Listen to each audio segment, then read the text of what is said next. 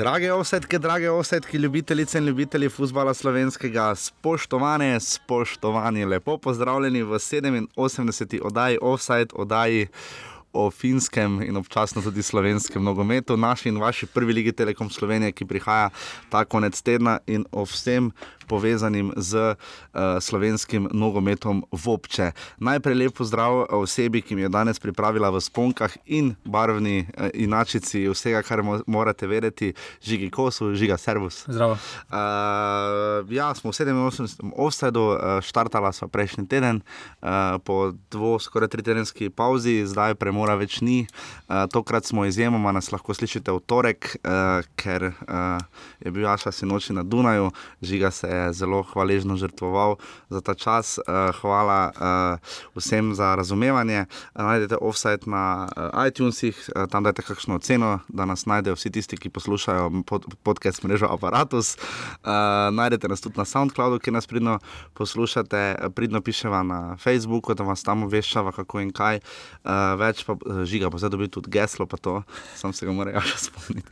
Uh, in pa seveda zelo toplo se priporočamo, če nas podprete podprete na urbani.si, pošiljnica offset, kot rečeno, uh, letos res računamo na vašo podporo. Uh, Jaša se bo udeležil tekme v Mostarju, v bolj ali manj privat režiji.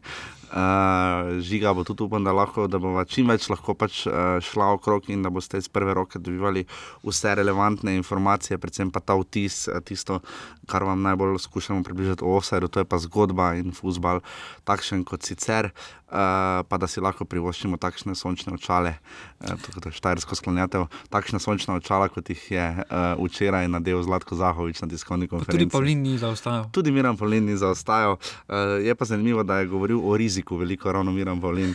Uh, ta, je, ta je bila posebej dobra skratka, podprete nas lahko na urbani.si, pošiljnica offside. Uh, danes imamo krasnega gosta, nimamo intra, ker smo res tako navalili, ampak od naslednjega tedna bo žigo pripravila še bolj celovit offside, upam, da nam bo uspelo ko bo štartala tudi liga. Uh, imamo pa super gosta, hvala Tilno Trotoško iz nogometnega kluba Olimpija Ljubljana. Uh, pogovarjali smo se z Brankom Iličem.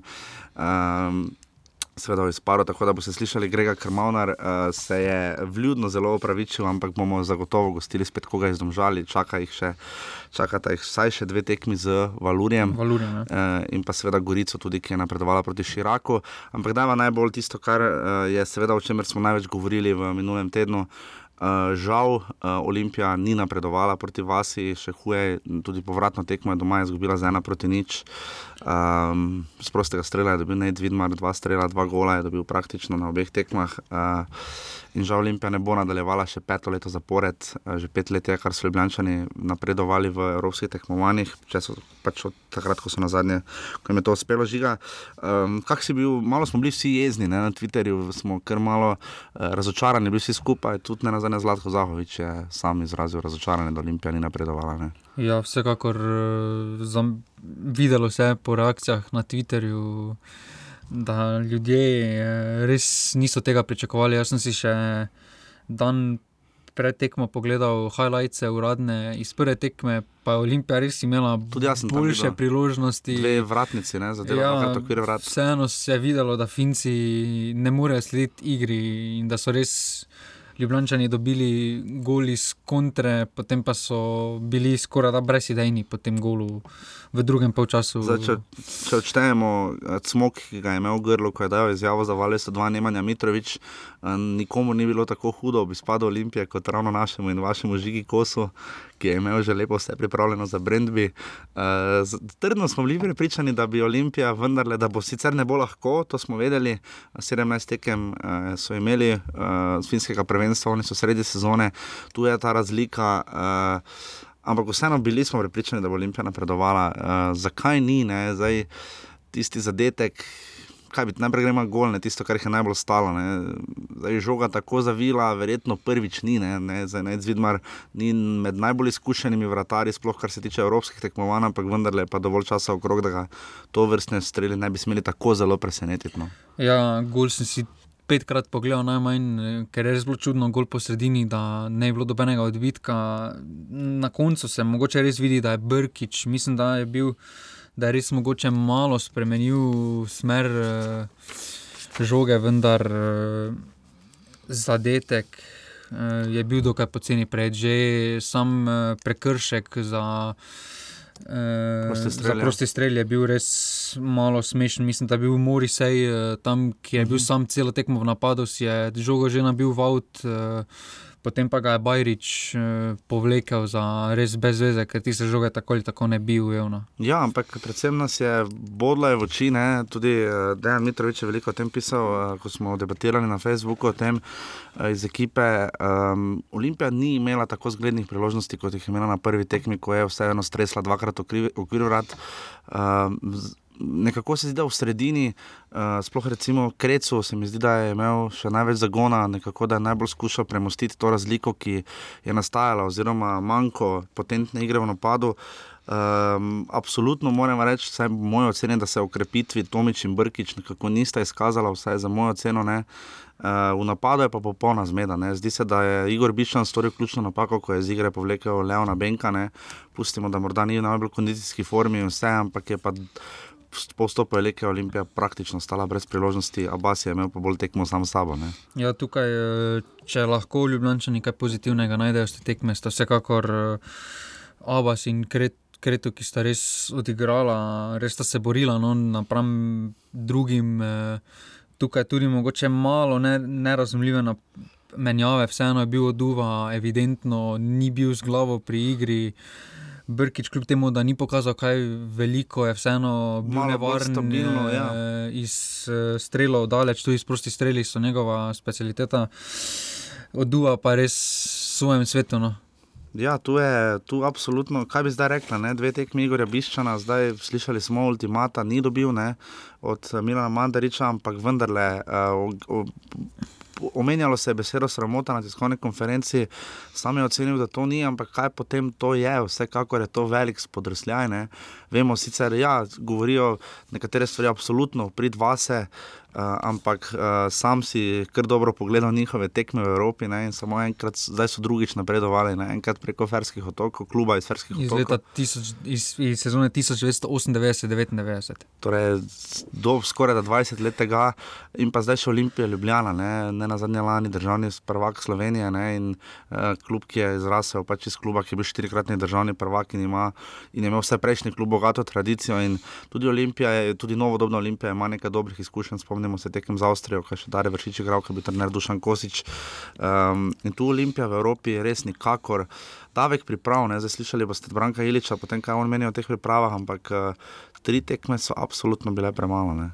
Ja, tukaj je res nerazumljivo. Tudi tukaj se vidi, recimo, da malo primerjamo z tekmecem, ki sta tudi začela v prvem predkrogu od naših predstavnikov, Gorica in Domžale, so si v obeh dveh.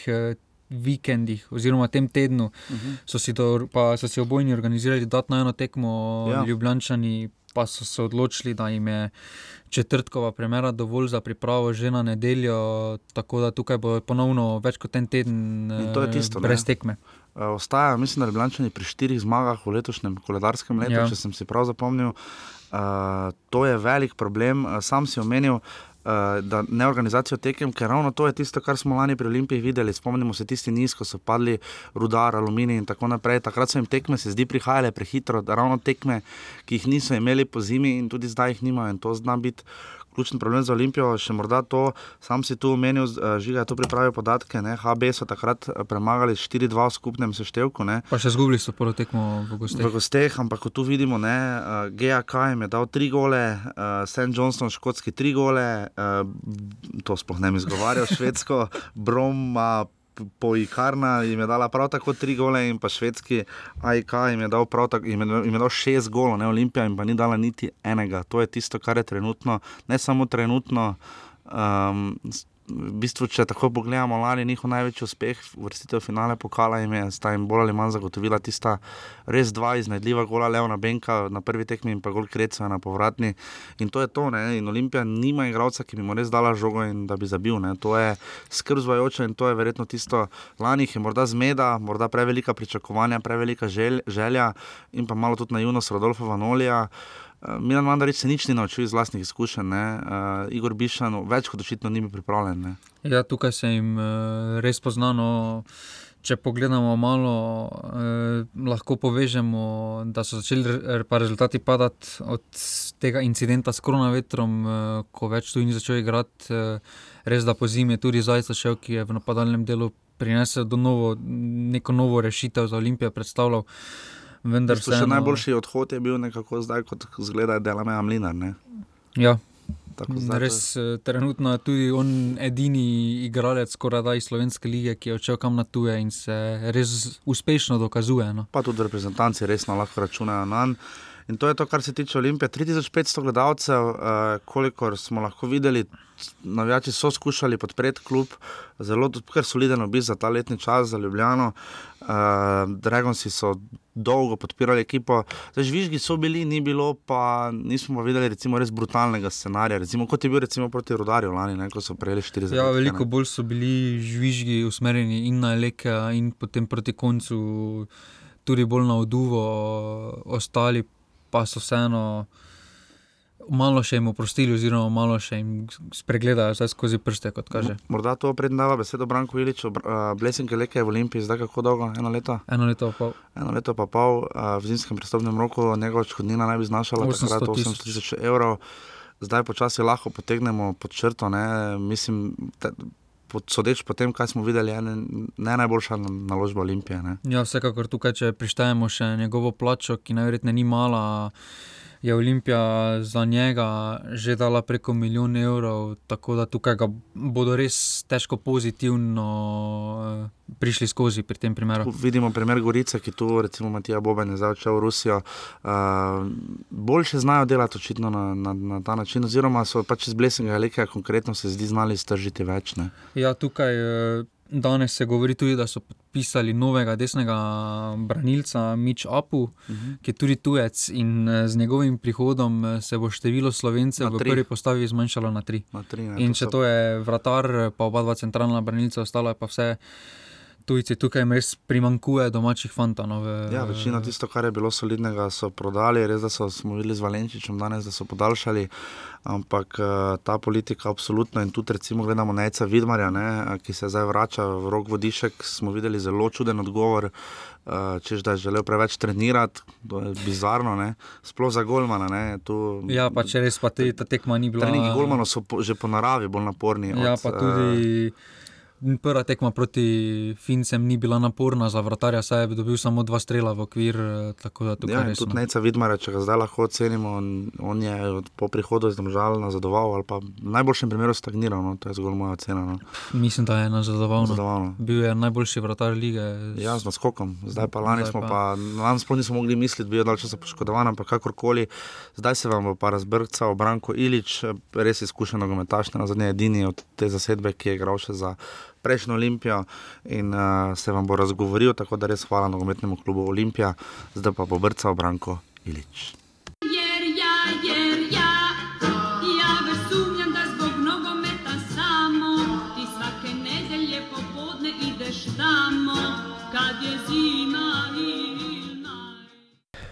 Tako v čast, veselje in tudi ponos nam je gostiti uh, Branka Iliča, uh, ki je, če sem si prav zabeležil, 63 krat med drugim uh, nastopil za slovensko izbrano vrsto, trenutno pa uh, je tudi v vlogi kapetana Olimpije, uh, eden tistih, ki ima izkušnje iz. Uh, tiste še olimpije prej in pa te zdaj, eh, državni prvak, ne na zadnje v Sloveniji z Domžalami in pa tudi s Partizanom, igralec za, za res bogato kariero in več kot idealen sogovornik za uvod v sezono oziroma za komentar oziroma razmišljanja o žal zgodnjem koncu sezone olimpije v evropskih tekmovanjih. Branko, lepo pozdravljeni. Lepo pozdravljen, lepo pozdrav tudi vam. Um, Branko, zdaj, ko so glave, pogovarjava se v nedeljo, uh, četrtek je zdaj nekaj dni nazaj. Um, Ste premislili, kakšen je ta občutek? Uh, slišal sem recimo izjavo Nemanja Mitroviča, Novalo 202 je imel kar precejšen smog v grlu uh, po izpadu za vas. Kako ste vi to doživeli, kako zdaj gledate nazaj na to, da ste v bistvu še preden se je sezona začela, ste en del v bistvu že zaključili? Kako, je, kak, kako vi vidite to zgodbo z letošnjo Evropo in Olimpijo? Pa dobro, res je, kot ste rekli, težko je, ni lahko tale po izpadu posebej v proti ekipi Vase, ki vsi pričakujejo, da, da si na nek način že, že ko smo. Ko smo jo izvlekli v žrebu, da so vsi pričakovali že pred tekmo, da bomo šli naprej. To ni lahko, ampak mislim, da smo prespali in zdaj na nek način, eh, kako bi rekel, zasluženo na koncu lahko govorimo, da smo bili boljši na papirju in na igrišču, ampak ta ista ta ekipa Vasa nam je dala dva gola, mi ni niti enega in zasluženo smo izpadli. Zdaj na nek način treba to čim prej pozabiti in seveda čaka nas že nove tekme v slovenski ligi in moramo iti naprej samo pozitivno in seveda vse začenjamo od nule uh mhm. -huh. in mislim, da je najbolj pomembno iti tekmo po tekmo. Če ta, če so nas te, tek, če nas, so nas te dve tekme kaj naučile, mislim, da so nas in da lahko se nadejamo in samo za eno pozitivo gremo naprej. In ne glede na vse, kot sem rekel, da smo izpadali nismo bili slabi in mene na nek način to navdušuje, da smo z neko borbeno, napadalno igro probali zadeti. Nismo si ustvarjali neke priložnosti, ampak mislim, da samo s trdim delom lahko nadaljujemo in seveda se nadejamo boljših rezultatov. Zdaj podpora ni bila sploh tako slaba, zdaj za Ljubljano nekako pregovorno velja, da ima uh, velike ambicije, da apetiti zrastejo nasploh v Sloveniji, sploh ko gre za Evropo. Uh, ste vi to čutili, kaj pritiska, bremena, uh, glede na to, da ste prišli po zimi v Olimpijo, kako, kako, recimo, vidite, kako, kako vam je bila predstavljena zgodba Olimpije recimo v Evropi? Na zadnje, uh, klub se, se je ukrepil, ima za slovenske razmere razmere zelo zavidljiv proračun, praktično med najboljšimi. Eh, kako ste vi videli to Evropo? Je to, bila, je to predstavljeno bilo, glede na to, da se je trener zamenjal, kot eh, da vidimo, kaj bo, morate priti do tretjega kroga, moramo priti v skupinski del. Kako je to delovalo? Pa res je, v bistvu Olimpija je klub v Sloveniji, ki se vedno pričakuje od nje veliko. Je pa res, da ni lahko, ne glede na to, kar ste že omenili, ko vsi omenjajo da ima Olimpija največji proračun, da ima eden izmed največjih proračunov v Sloveniji, če ne največjih. Uh mhm. -huh. Je pa res, da ni to, to cilj in uspeh, da, bo, da boš ti šel v skupinski del ali, ali kam naprej. Ne? Zato, ker lahko, lahko se tudi pogovarjamo o veliko večjih klubih, o veliko večjih proračunih, ki se ne vrstijo niti v skupinski del lige Prvako ali pa skupinski del lige Evrope. Uh mhm. -huh. Jaz osebno, ko sem prihajal v Olimpijo, sem se zavedal, kam prihajam in mi je jasno, sem igral tudi v klubih, ko se pričakuje vsako tekmo tudi deset tekem zapored, ki zmagaš, da je enajsto, ko zgubiš, da se že naredi neka, neka slaba, ne atmosfera, ampak se dogaja, lahko kar izrecno rečem, recimo v Partizanu, ti pride tudi navijači in te na nek način ne negativno, ampak ti pokažejo, da niso zadovoljni, da tebe pričakujejo iz dneva v dan dokazovanja in zmage. Tako da jaz mislim osebno, To, kar sem že prej rekel v prvem eh, vprašanju, mislim, da Olimpija, vsi, ki smo zbrani, vsi igravci, se moramo zelo dobro zavedati, kdo je Olimpija in kaj Olimpija pomeni v, v Sloveniji. In ne glede na to, da smo zdaj, kot sem že rekel, izpadali iz Evrope, mi moramo to zdaj eh, čim prej pozabiti, nismo se uvrstili treba priznati, je neuspeh, je velik neuspeh, seveda, ker smo boljši od ekipe Vase, ampak kot sem že rekel, ne zmaga ekipa na papirju, ampak na igrišču nam to ni uspelo v tem trenutku. Uh mhm. -huh. In kot ste rekli, z novim trenerjem. Na nek način uh, vsi pričakujejo, ko pride nov trener, da bo to po dveh, treh tednih vse delovalo. Vsak trener, ali je to Igor Biščan, ali so to trenerji, ki so bili prej, ali bojo prišli tudi novi, ali je to čez 3, 4, 5 let, ne pomembno.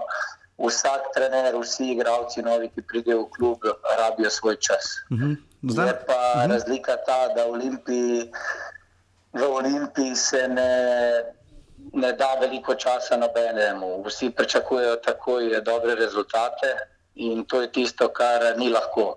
In potem eh, mi se pa vsi moramo tudi dobro zavedati, kakšno burno obdobje smo imeli v prejšnji sezoni, v drugem delu. Uh mhm. -huh. In seveda ni lahko začeti na novo, ampak eh, kot sem rekel, treba pozabiti, da je vse to, treba dati čas trenerju, ki lahko osebno povem iz izkušenj, ki se dogaja zdaj v treh tednih, da se res dela dobro, da je trener prvo kot človek zelo dober, eh, da ima izkušnje nogometne eh, in da, da dobro ve, kaj, mogoče, kaj ga čaka, če bomo imeli dobre rezultate ali ne dobre. Ampak mislim, da on osebno ne razmišlja o teh stvarih, dela iz dneva v dan, kar je zelo pomembno, korak po korak. In mislim, da samo tako bomo naredili nek, neko novo zgodbo, nek nov uspeh.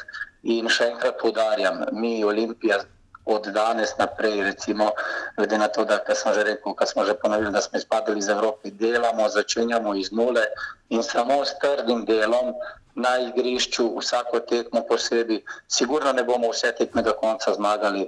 Težko to obljubim in ne bi rad obljubil, ker to je nekaj najtežjega. Uh mhm. -huh. To se nam je zgodilo lani, ko sem bil prisoten na tiskovni konferenci, uh hm. -huh. ko se je govorilo, da bomo pač ne vem, s kolikimi točkami osvojili že prvenstvo pred koncem. Mislim, da so to besede. Zdaj, zakaj so bile izrečene, mislim, da o tem ne bi govoril. Mogoče to samo, mogoče to bi vprašal za kaj.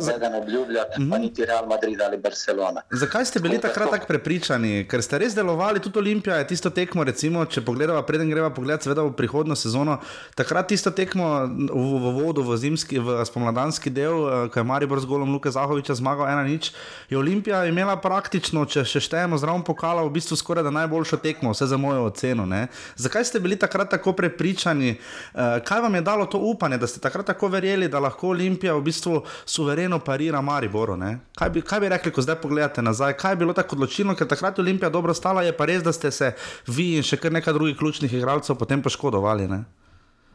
Pa res je, da z tisto tekmo veliko tudi ljudi okoli nogometa, ki imajo radi nogomet in tudi igralcev, smo se pogovarjali. Da tista tekma je ena boljših tekem v tistem drugem delu, ki smo pa seveda izgubili, ki se dogaja. Uh mhm. -huh. Je pa res, da bi s tisto tekmo, da se je obrnila nam v prid za 1-0, mogoče bilo glih obratno. Uh mhm. -huh. Da bi se mi pozdignili in da bi mogoče na koncu koncev mi bili tisti, ki bi se na koncu veselili in osvojili prvenstvo. Ampak to je zdaj vse tisto, če kaj, ne, uh -huh. kaj bi se zgodilo. Uh -huh. uh, mislim, da smo tisto tekmo dobro igrali, ampak. Uh, Doskrat smo se s fanti pogovarjali glede samozavesti, delati atmosfere v ekipi. Uh, Težko je. Ste, če tekme zmaguješ, se atmosfera avtomatsko sama dviguje. Že naslednji dan po tekmi, ko zmagaš, ko prideš na trening, gre to samo po sebi avtomatsko. Tako da uh mhm. -huh. mi po tisti tekmi smo, naslednjo tekmo, mislim, da z velenjem doma v Stožica dobili štiri zadetke, uh mhm. -huh. ki smo pol ure tudi zelo dobro igrali in potem z, enim, z eno napako našo na sredini igrišča prejeli ta zadetek velenje se je dvigalo in po je šlo to za tekmo, za tekmo in so se nam dogajale stvari. Ne bi spoh več o tem mhm. razpredano, res samo razmišljam naprej in mislim, da tako moramo vsi. Mhm. Kako bi ocenili letošnje priprave? Zdaj, sicer, ko smo gledali Olimpijo, ni, niste imeli toliko tekem, seveda ste imeli, potem pripravljali ste se na dve tekmi za vas. Kako bi ocenili priprave, kako ste jih sami osebno delali in kakšno Olimpijo lahko pričakujemo v novi sezoni? Nekaj smo, zdi se, da je pred filmom smo videli v bistvu v finalu pokala eh, v Kopru, ko so se vrnili nekateri poškodovani igravci, eh, vrača se Vidmar, vrača se, vrnil se vmes Oduva, pa Boateng, vi ste se vrnili. Eh, kaj lahko pričakujemo, kaj ste ugotovili na pripravah? Pa res je, priprave smo imeli res, da v poletnih eh, tem uh, pauzi ni veliko počitka in potem tudi te pri, priprave, ko imamo, nimamo veliko časa. Mi smo bili dobra dva tedna skupaj, tri tedne, mogoče slabe, ko je že prišla ta tekma z vaso. In, uh, res je, kot ste rekli, vrnili smo se igravci po poškodbah, uh, vsak igralec po, potem tudi rabi čas, ko te dva meseca ni na igrišču, ni lahko rabiš občutek za žogo. Dobili smo tudi nove igralce, tako da seveda novega trenerja z novimi zahtevami in to neč ne gre čez noč. Uh mhm. -huh. Tako da lahko vam samo obljubim, da po, mislim, lahko samo povem, ne obljubim da do zdaj, trenutno, ko treniramo, da, treniramo, da se trenira res dobro, da, da večinoma vsi fanti delajo pošteno, ampak mislim, da, da lahko to še dvignemo na nek nivo višji, ki ga tudi mislim, da moramo, ampak seveda to rabimo še nekaj časa. In lahko samo povem, da se bomo sigurno trudili, tako kot na zadnji tekmi, da bomo mi tisti, ki bomo organizirali in delali tempo igre v slovenski legi, seveda pa rabimo pa tudi gole, glede na to, da smo pokazali, da v dveh tekmah napadamo konstantno, da smo na nekaj na, na nasprotnikovi polovici, sigurno rabimo tudi gole, da te dvigne. Uh mhm. -huh. Branko, kaj bi rekli, vrnili ste se v slovenski nogomet, vmes ste bili, ne bom niti našteval, ker bi trajalo, ampak imeli ste ogromno izkušenj, od Astane uh, pa do Partizana in ne vem kam še vse. Uh, kaj bi rekli, uh, ko ste se vrnili v slovenski nogomet, zdaj bili ste sicer oddaljeni od igrišča nekaj časa, uh, kaj ste med tem ugotovili, recimo, sploh Olimpija je iz, izkusila, recimo in Rudar, pa Alumini tako naprej. Uh, kaj bi rekli o slovenski ligi, zdaj, ko ste prišli nazaj, kakšna je, kaj ste izkusili in pa tudi ali vam pozicija, ne? zdi se, da vajeni smo vas bili z reprezentanci v obrambi, zdaj se zdi, da vas včasih vidimo na sredini. Kako iz teh pozicij, na kateri igrate, kje se najboljše znajdete in kako vidite slovenski, slovensko ligo? Tako bom povedal, jaz že preden sem prišel nazaj, sem spremljal kar Orangi Slovensko ligo, posebej, ko se je preselila na TV prenose na mhm. kanala. Uh -huh. In uh, lahko povem, da v slovenski legi vse dobro, zato ker je veliko mladih fantov, željnih dokazovanja, dober nogomet se igra. In mislim, da se tudi, da se dosti fantov, tudi ko se vrne, se opeče, ker eh, zle, mogoče z levo roko vzame to, ko se vrne. Da z nekim manjšim delom, da bo lahko igrati v slovenski legi, temu ni tako. Uh mhm. -huh. Ampak tako da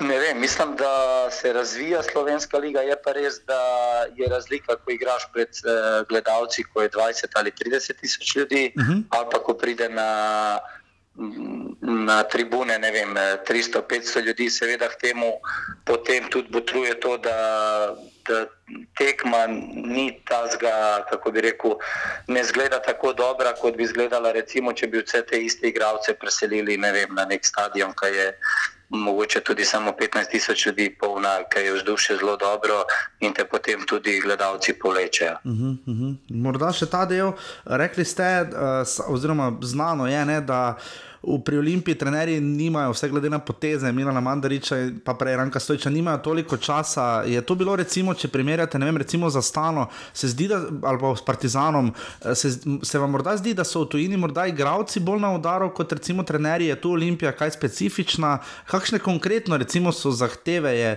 je zahtevno igrati za Olimpijo v smislu zahtev, pričakovanj tistih, seveda, ki so vas v klub pripeljali. Ne?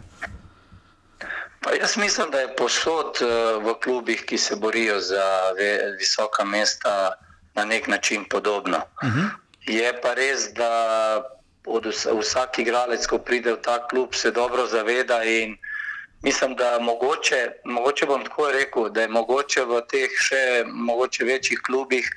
Mogoče malo večja konkurenca ne? in potem eh, ti vsi igralci, ki igrajo v prvi postavi, uh, vejo, da jim diha za ovratnik, ne vem, svoj igralec, ki če ne bo dal tistega maksimuma ali uh -huh. če mhm. se ne bo potrudil po najboljših močeh, da, da ga čaka recimo hlajenje, da bo šel na klop ali celo na tribuno in potem. S tem razlogom tudi na treningih je veliko večja kakovost treningov, in potem s, s takimi stvarmi se tudi dviguje kvaliteta in pa kot sem rekel, vzdušje in samozavest in vse ostalo. In potem tudi igravci so veliko boljši. Mhm, pa še za ta del, poleg Olimpije, ste v Evropi igrali z Indom Žalami in z Lokomotivom Moskvo, za Nortosi, samo Hapoelom, Partizanom in Astano. Uh, te kvalifikacije, sistem, recimo, zdaj so tri klubi, ste zdaj nastopali, Maribor igra z Zrinskim. Eh, kako vi vidite ta evropski nogomet, recimo za Maribor, ko ste vi ravno igrali takrat za Astano, ne glede na budžet, razlike v tem, ambicije kazahstanskega nogometa. Kako vi vidite, kako ste vi videli recimo ta izpad, če prim, na nek način primerjate, recimo takrat je Astana izločila Maribor, zdaj je Vasa izločila um, Olimpijo, uh, vidimo, da Gorica je kar nekaj časa trepetala tudi domžale. Zakaj je evropski nogomet tako izenačen? Kaj ste se vi naučili v vaši karieri, ko ste potovali po Evropi in igrali v evropskih tekmovanjih? Ne? Pa tako bom rekel, jaz mislim, da danes vsi igrajo nogomet, da, da ni tako, kot je bilo včasih. S tem to, to kažejo tudi uh, države, ekipe, kot so vem, Ferski otoki, Luksemburg. Mislim, da Zvezda je na zadnjo tekmo, glih, vem, smo se pogovarjali, je igrala 3-3 z ekipo iz, vem, iz Malte. Mhm, mislim, to je samo en dokaz, da ne moreš uh, si z levo roko vzeti nobene tekme, da vsi igrajo in pa tudi tudi ljudje, v, v, ne, ali je to v Sloveniji ali bilo kje, ne vem, recimo v Srbiji, Hrvaški, vsi pričakujejo od, od ekip, da zdaj se bomo pa sprehodili in zmagali vsakogar z lahkoto. Ni tako in danes vsi igrajo, vsi imajo dobre igralce, danes si večinoma vsak lahko privošči igralca. Veliko je, Uh, mislim, da je pozitivno za klube to, ker je veliko, zelo veliko igralcev na tržišču, tudi uh -huh. za manjšo ceno. Uh -huh. Ni uspeh, če boš plačal igralca, primer, ne vem, 100 tisoč ali milijon ali 10 milijonov, da bo boljši od unega, ki bo prišel, ne, recimo, za ston v klub. Uh -huh. Mislim pa, da je to samo ena pozitivna stvar za nogomet in uh, za. Samo lahko rečem, da zaradi takih stvari je pa nogomet toliko bolj zanimiv in nepredvidljiv. Mhm, in še res zadnje vprašanje. Imamo kar nekaj poslušalcev naše oddaje, ki prihajajo iz tistega vašega trojanskega konca. Kaj bi jim rekli, kaj lahko pričakujejo v letošnji sezoni, začenjate sezono v celju?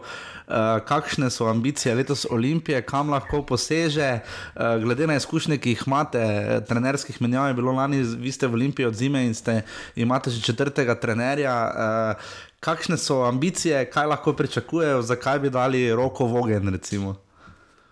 Pa tako bom rekel, ambicije kluba Olimpije so vedno visoke. To je naskok na prvo mesto. Na, na, na osvojiti pokal, na vse. Ampak jaz mislim, da ne glede na to, da mi moramo iti potiho v to in na nek način iz nekega ozadja, ne glede na to, da smo Olimpija, delati eh, dobro, iz dneva v dan se dokazovati na treningih, seveda trenerju Igorju Biščanu.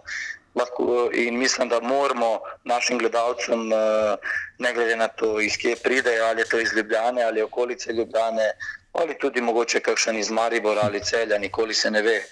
Tako da mislim, da moramo samo biti pošteni, vsak igralec sam do sebe in na nek način, ko prideš na tisto zelenico, oddelati pošteno in seveda biti pošten do vseh teh ljudi, ki nas pridejo spremljati, ki plačajo letne karte in da na nek način tudi, če se zgubi, da se zgubi z nekim ponosom in poštenostjo do svojega dela. Mhm. Branko, najlepša hvala, da ste si vzeli čas za offside. Uh, čim bolj uh, zdravo in uspešno sezono vam seveda želimo, čim manj poškodb, absolutno. In uh, upamo na čim, čim več dobrih tekem uh, v letošnji sezoni. Ne? Najlepša hvala, jaz želim vam tudi vse najlepše. Hvala, naslednje. Lepo zdrav. Čau. Jer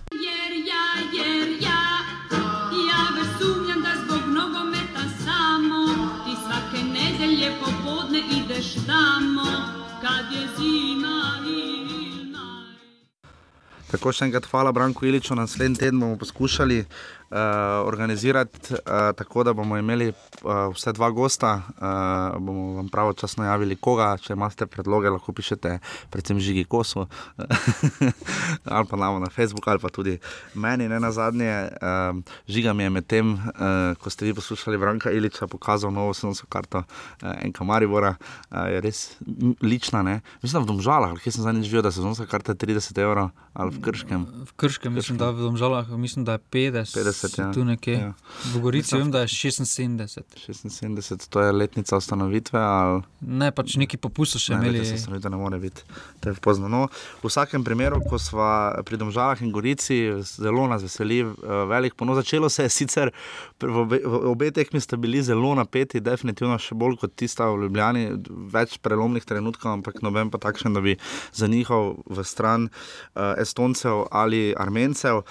Eh, Domžale so nesle z dve proti nič, prednost, um, v, ki so jo prigarali v celju, relativno pozno. To moramo reči, da Flora se je izkazala za kar zahtevnega tekmeca. Uh, in po 22 minutah, uh, jaz sem sicer nositelj napisal samo tri pikice, uh, nič dva, dva nič, uh, je bila prednost izničena ampak potem so se pa državljani sestavili, uh, zelo zgemplali, tisti filer je v gol, tam je filer bil izrazito iznadljiv, tako da ga pomnimo v njegovih najboljših časih, potem pa sta dokrajčila. Um, Ibričič in pa iz 11 metrov, in pa Balkovec iz svojega tipičnega prostega strela. Uh, potem, ko bi seveda lahko že z enih usmanj vse končal, res si pogledajte. Uh, če nas zeni posluša, uh, vsi, da grešimo, res pa da. to je bil res, mislim, da imamo že zgrešeni zicer sezone, težko, ja. da bomo našli, eh, če pustimo zdaj, kaj se bo vse v prvi ligi Telekom Slovenije dogajalo, ampak uh, v vsakem primeru uh, je to, kar smo videli v kvalifikacijah za Evropsko ligo, za zdaj gre res hitno, ker tam je Husmani res grešil prazna vrata, pa res, res lepo podaje, dobil no, Golman, obramba, vse je izigrano, ampak so tam žalčani dokončali, kot to znajo, Simon Rožman je um, se še bolj razvijal, trenerja dokazuje, uh, zakaj dobiva to priložnost. Uh, slišali smo njegovo odzmevno izjavo, da Milan Mandarič on osebno zavrnil, uh, kar uh, v offsetu. Ker razumemo, ne bomo rekli pozdravljamo, ampak razumemo in uh, vidimo sicer, da si je Luka Elzner, uh, samo toliko menimo, našel uh, mest, delovno mesto na Cipru. Ne? Na Cipru je pa si delal slovensko kolonijo, ima že Lotriča, Janžo se sedaj novači. Ja, ker Janžo je zadnji sam rekel, da pač Limberski bo še igral v Viktoriji. Tako da smo veseli, no, da si Luka Elzner, uh, pač, da bo lahko nadaljeval kariero, uh, ki jo je pač zelo odmevno začenjal, pač gradil v Domžalah. In ko smo ravno pri Domžalah, uh, res v novič napredovanje, Domžalčani tu prido, nabijajo koeficient, dve zmage so zabeležili, eh, kar je dobro, seveda, predvsem za nje in s tem res gradijo. No? Ja, tukaj eh, res gradijo počasi, eh, in če bodo tako nadaljevali, bodo tudi v prihodnih letih lahko računali tudi na daljše udestovanje v Evropi, saj že sedaj imajo za njih dokaj lep koeficient in s takšnimi rezultati uspešnimi bodo samo nadaljevali, predvsem če pogledamo zadnji dve leti. No. Oni so zdaj tu v tem krogu bili nosilci, v naslednjem krogu? E, so bili ne nosilci, vendar. E, je bil Valur tudi bi bil nenosilec, ker ima še manjši koeficient kot Domžale. Samo je prevzel koeficient od Ventspilsa iz Latvije. Eh, koliko pa domžalčano manjka, kaj moraš narediti, da bi bili v prihodnji sezoni, recimo v tretjem, v drugem krogu za kvalifikacije za Evropsko ligo, nosilci, če bojo seveda igrali. Ja, se, ne bojo recimo za ligo. Sedaj, kako stoji uh, s tem trenutnim koeficientom, ko ga imajo trenutno, in če bi bili takšno stanje kot je letos, bi jim tak koeficient zadostoval za. Mesto nosilca v drugem predkrogu. No. Zdaj, tu, tu vidimo uh, imperativ rezultata, tu šteje. Ne? Tu domžalčani teže, uh, teže se zanašajo na dolgoročno zgodbo, tu sta dve tekmi, uh, gre na izpadanje in tu domžalčani se dobro znajdejo. No? Uh, to je nekakšna njihova odlika, ravno tisto, ko se gre na izpadanje. Na zadnje so tako prišli tudi do pokalnega naslova, drugega ne? v Kopru, ko smo gledali tekmo, tisti res zadetek iz Kota, ki je presekal obračun z Olimpijo. Uh, zdaj, ključno pred domžalčani igrajo z. Valure.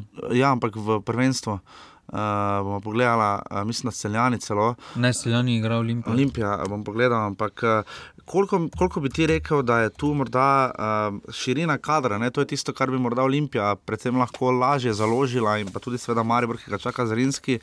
Ampak koliko bo tu za domžale, pa tudi delno za Gorico, ampak za domžale, koliko bo tu, glede na vse odhode, problematična uh, tekme. Ne? Zdaj, ne na zadnje, dve tekmi bodo igrali v Ligi in dve tekmi v Evropi. Ne?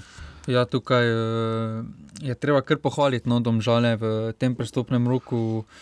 So si res naredili neko širino kadra, trenutno, če pogledamo samo, da vola rič, ibričič, recimo, in žužek hodijo sklopi na tekme, res to pokaže, da imajo določeno res širino. Potem eh, recimo Tiren Klemenčič, ki je igral v celju skoraj vse tekme, tu je že dokazal, da se v prvi legi sploh ne pride zraven v prvo postavo. Tako da tukaj bodo vsekakor našli dodatne minute v prvi legi. Mhm, zdaj tu gledam, ravno so šli Gorici in obžalam v ligi, predvsem na roko. Eh, da igrajo bojne za ob nedeljah tekme, goričani grejo, eh, domžalčani grejo k, eh, k rudarju, k zelo ambicioznemu Marjanu Pušniku. Kaj še reči, ne? zdaj čaka jih čaka jih valur, gostovanje ob 22 uri za prenos, koliko je žiga ti si gledal za zdaj, nič, nič ni. Uh, Domžalčani sicer vedno objavijo svoje zadetke na Facebooku, to, to so res eh, med najbolj naprednimi klubi v Ligi, absolutno za svojo spletno prezenco. Um, kaj reči, kaj, kaj lahko pričakujemo zdaj? Ne? Tu se zdi, da je bilo tako lani, z, ko so igrali z beloruskim predstavnikom, ne? ker je mogoče ne tako zveneče ime, ampak iz države, ki pa ima vseeno neko, um, neki renome. Ne? Ja, vendar. Uh... Tukaj je pokazatelj, da reprezentanca ne odraža kvalitete nogometa v islamskem nogometu. Res da je Valur eh, ima nekaj tekem za sabo, saj so že islamci začeli prvenstvo. Lani so bili pokalni prvaki, trenutno pa so prvi v ligi, tako da določeno kvaliteto imajo. Ekipe niso skoraj da nič spremenjali, no, dobenih ni zapustil. razen dva igralca, sta šla na neko posojo. Mm, vendar je tudi Evropa neki nov izziv, pa izziv za njih, saj so pred letošnjo sezono igrali na zadnje v Evropi v sezoni 2008-2009, ko so mhm. igrali kvalifikacije za Champions League in so izpadli proti Bateju, skupnim rezultatom 3 proti nič. Uh, tako da trenutno so dosegli svoj največji uspeh v zgodovini kluba, kar se tiče evropskega tekmovanja.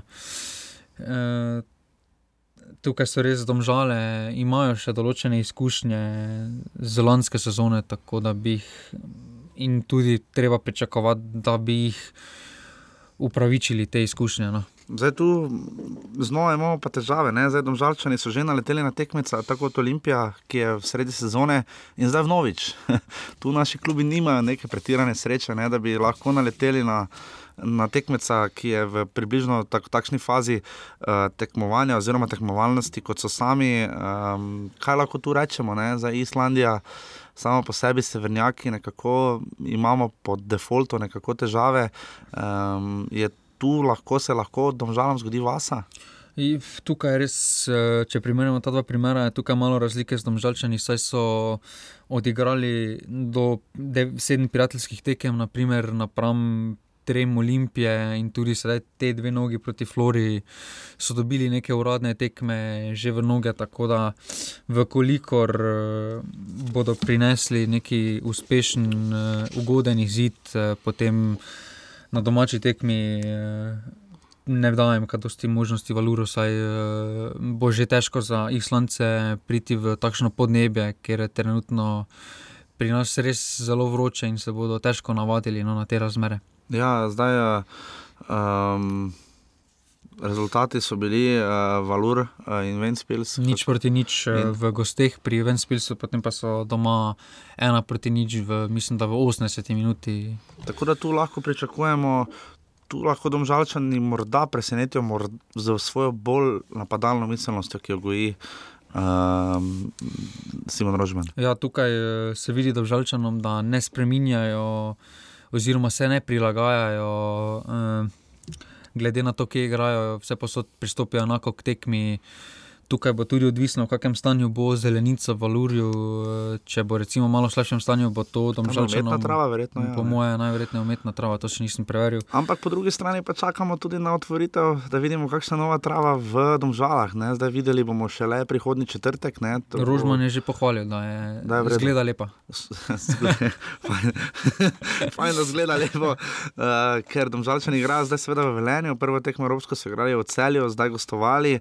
Uh, da potem bodo z Valurijem odigrali prvo domačo tekmo, uh, Evropsko, in pa potem še s celjem uh, v drugem krogu domačega prvenstva. V Domžalskem športnem parku se tudi mi veselimo. Uh, videli smo v Stožicah je zelenica bila zelo lisasta, s čimer ima izdatne težave tudi ljudski vrt, kot vemo. Um, in tu upamo, da bo, um, da bo boljše, ne bo pa več. Uh, je pa Domžale zadnja ekipa, ki je igrala na areni Petrolne. Ja. kar je tudi rahlo nenavadno, to je za rubriko ali ste vedeli, ker odslej bo seveda, kot vemo, stadion z dežele. Ne. Kaj misliš, da boš ob nakupu kako klobasa doma? Ne vem, ne vem to, bomo, to bomo vse vprašali celjane in Tomaža Petroviča, ko bomo tako daleč. Drugi predstavnik, um, Gorica, letos se jim je zelo izšlo. Uh, mislim, da so igrali oni že 16 ali 17 že v Rosi tekmovanjih. Ja. Uh, tako da med najbolj izkušenimi, poleg seveda Maribora, mislim pa in domžalne. Um, in so tu uh, odigrali res napeto tekmo. Uh, mislili smo z 2-0 z, gost, uh, z gostovanja. Ampak Miren Srebrenic je sam, vodaj, kot ste lahko slišali, opozoril, da mislijo samo na to tekmo, da se lahko hitro obrne in se je. Uh, kak... Začeli so res solidno, no. povedali so ena proti nič, Ja, to je pa... to, ne, da se jim je potem tekma, tekma kar malo sesula. Um,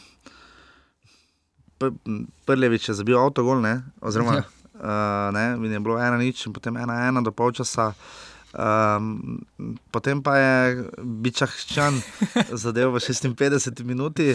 Potem so še imeli vratnico. So vratnico so zadeli, potem ja, tisto za 3-1 bi bilo pa nas, nevarno že zelo. Ne. Tudi na splošno.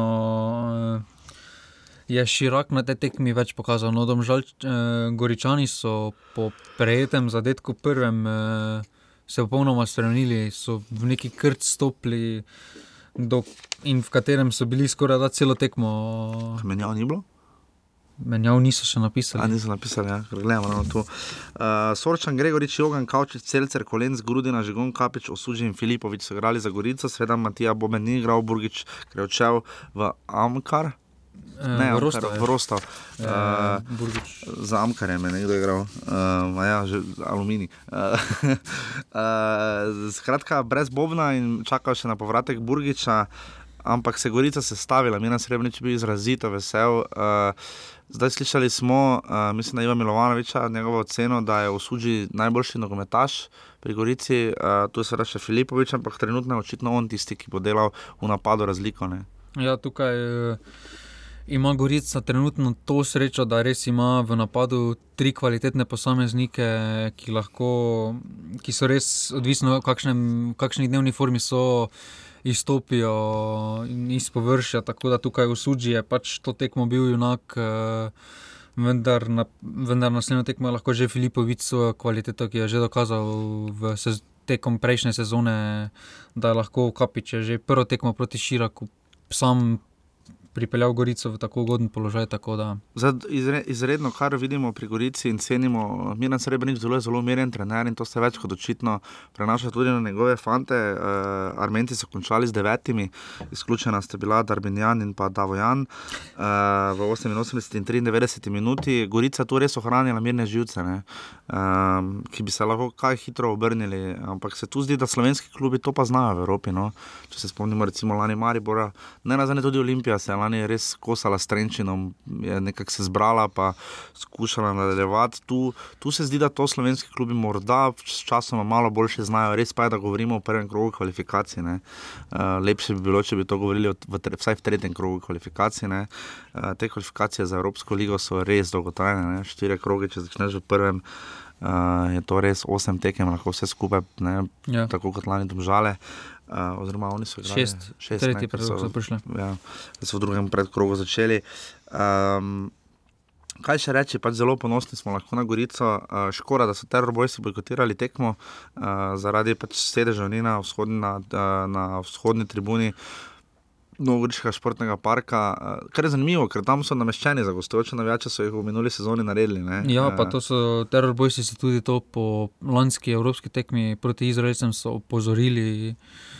Klub, tako da tukaj eh, bi klub lahko to storil še najmanj tekme in se jim zahvalil Ja, za podporo, ki so jo tekom sezone tudi dobivali na vseh gostovanjih. No. Če kdo stoji, je stal res na dežju, so to bili terorbojci večkrat v tistih nalivih. Največja skupina, ki, je, ki smo lani posebej pohvalili, ne poleg Green Dragosov in Viol, kot najbolj zvesto skupino, ki je res hodila naokrog. Tudi uh, imamo super sodelovanje z, Novo, z novogoriškim futbalom, če, tak, če, če se tako izrazim. Uh, 2 proti 2, je o, Gorica Širak, um, 4-2 napredovanje, zdaj pa Gorica čaka Panionis. Ne čisto ena druga zgodba, tu pa je prednost, morda da je Gorica bolj v ritmu kot Panionis. Predvidevam, da Grki še seveda niso začeli s prvenstvom. Uh, Panionis je tu seveda nosilec, širak je bil, kot se je Jaša podočil v prejšnji. Uh, ne? Ja, Ja. Panjonis je bil tu kot nosilec. Ja. Ja, uh, Panionis je. Um, Tu izra, je favoritno, težko skrivamo, tu lahko koeficient 5580, Gorica 3375 in pa 11 milijonov je vredna ekipa proti 3,15 milijona. Gorica je pa res, da gre za peto, ekipo, grško, za peto grško ekipo. Ne? Zdaj z Grki imamo različne izkušnje, uh, Maribor od uh, že kar davnega, z 90-ih poraza z Olimpijakosom, ampak recimo tudi zelo dobro predstavo proti Panatinajkosu. Kaj smo tu ugotovili? Ja, da, Kakšna ekipa je Panionis? da so, po moje, so malo slabši no, napram eh, lanskemu letu. Ta ekipa je treba povdariti tudi, da kljub zvonečemu imenu eh, res nima izkušenj v Evropi. Na zadnje so igrali v Evropi leta 2007. Eh, Tako da to je že deset let tega, torej ta ekipa je popolnoma na novo narejena. Tudi štirje igralci, ki so res nosili breme, lanski sezoni so zapustili, vsi so odigrali več kot 2500 minut celi sezoni. Res.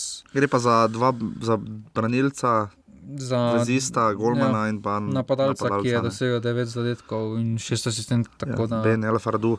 Je pa Matic Kotnik, uh, Ja. bo branil, kaj, kakšne informacije so tu, ne, bivši vratar celja, ne, ne nazadnje tudi reprezentant občasni slovenske izbrane vrste. Ne. Ja, tukaj eh, res bo zanimivo, kako se bo odločil, vendar eh, glede na renome Kotnika in drugega vratarja Panjovniša, mislim, da, bi, da ima Kotnik vsaj. Če pogledamo na papir, ima prednost. No, zdaj Pa pa tudi vprašanje, zato, kako ker je slovenec. Ne. Tudi verjetno zato bodo morda skušali. Ja, tukaj jim bo tudi prinesel določene informacije in bo koristil. Absolutno uh, nekako tipično za grške, za mediteranske klube, bomo tako rekli, Ciper, Grčija, je veliko prihodov in odhodov, tu si jih se je res potrudil. Ne? Tu je 1, 2, 3, 4, 5, 6, 7, 8 nogometašev, eh, ki je prišlo. Um, bomo videli to, kako se bo Panionis uh, uh, obnesel. Uh, po letu 2007 ne? Ja. uh, so spet v Evropi. Ja, takrat so tudi dosegli svoj največji uspeh, ko so bili v skupini Aha. Evropske lige. No. Tako da so skratka nek. Uh, So renome, vendar so daleč od svojega trenutnega stanja. No. No.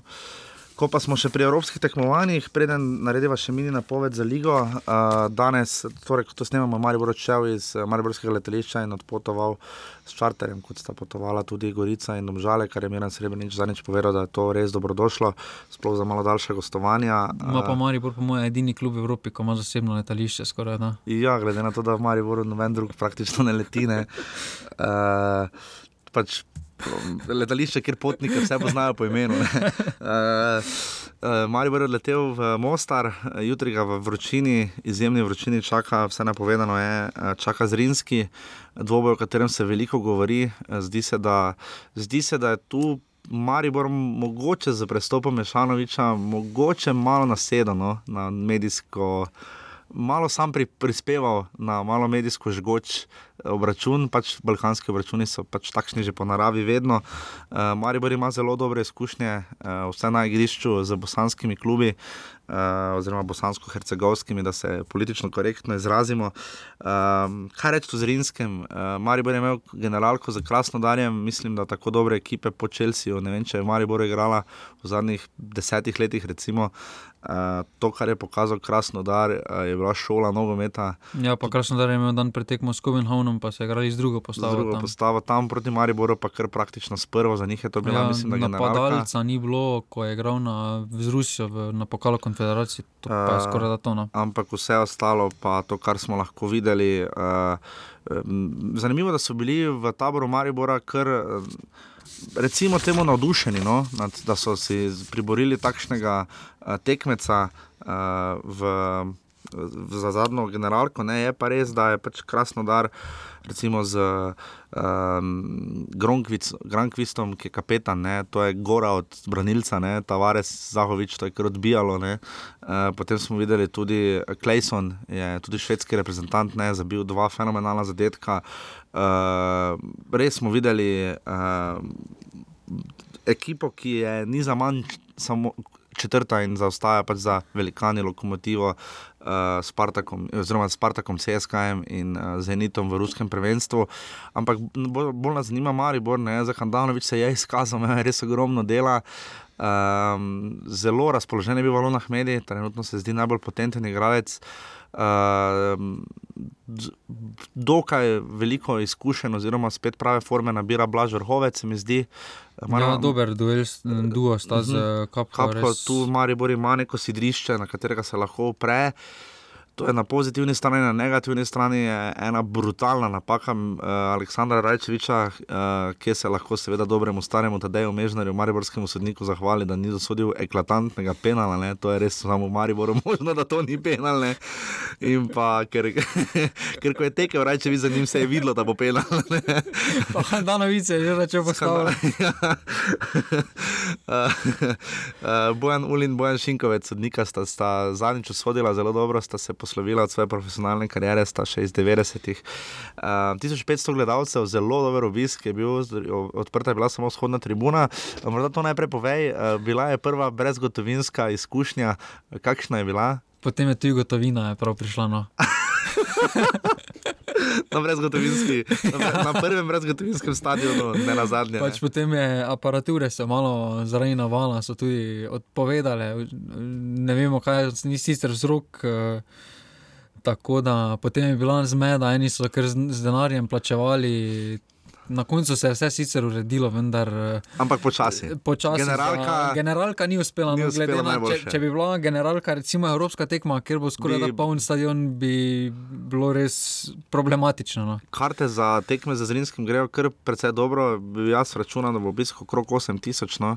Uh, Ja, pa če bo mogoče ugoden, na prvi eh, tekmi- Če bo ugoden rezultat, eh, mogoče, še, mogoče lahko malo više. Astana recimo, ni bila polna. Ne, Uh, Ne, predrok termini, je, ne. no drugi predrok pred- je. Prva evropska tekma je ponavadi in stadion ni povsem nabit, uh, tudi lani proti Levskem ni bil. Uh, tudi Je pa res, da pa tu je tekme. proti bivši jugi. No. Tu zna Tako za to biti. ne, Tukaj eh, mogoče kakšen več obiskovalec.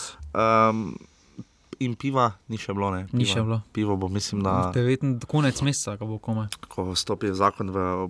Ko 30 dni po objavi v uradnem listu, tako da veste, kdaj boste lahko pili vse v Mariboru, verjetno pa velja enako za uh, preostale stadione. Um, je kaj reči, Maribor je kot rečeno eh, na koncu izgubil z 2 proti nič. Uh, Lahko bi dal kakšen gol proti Krasnodarju, streljal, vsekakor ni manjkalo, je pa zanimivo, da je Marijo poskušal zelo z razdalje. Ne? In pa še bolj, da kot se je izrazil Mitja Viler, uh, zelo uh, um, politično korektno, da jih je zajebalo vreme, ne? ker se je vlilo malo pred tekmo in je bilo zelo prijetnih 23, tako da v tem oziru jim ni šlo na roko, da bi preizkusili uh, ta.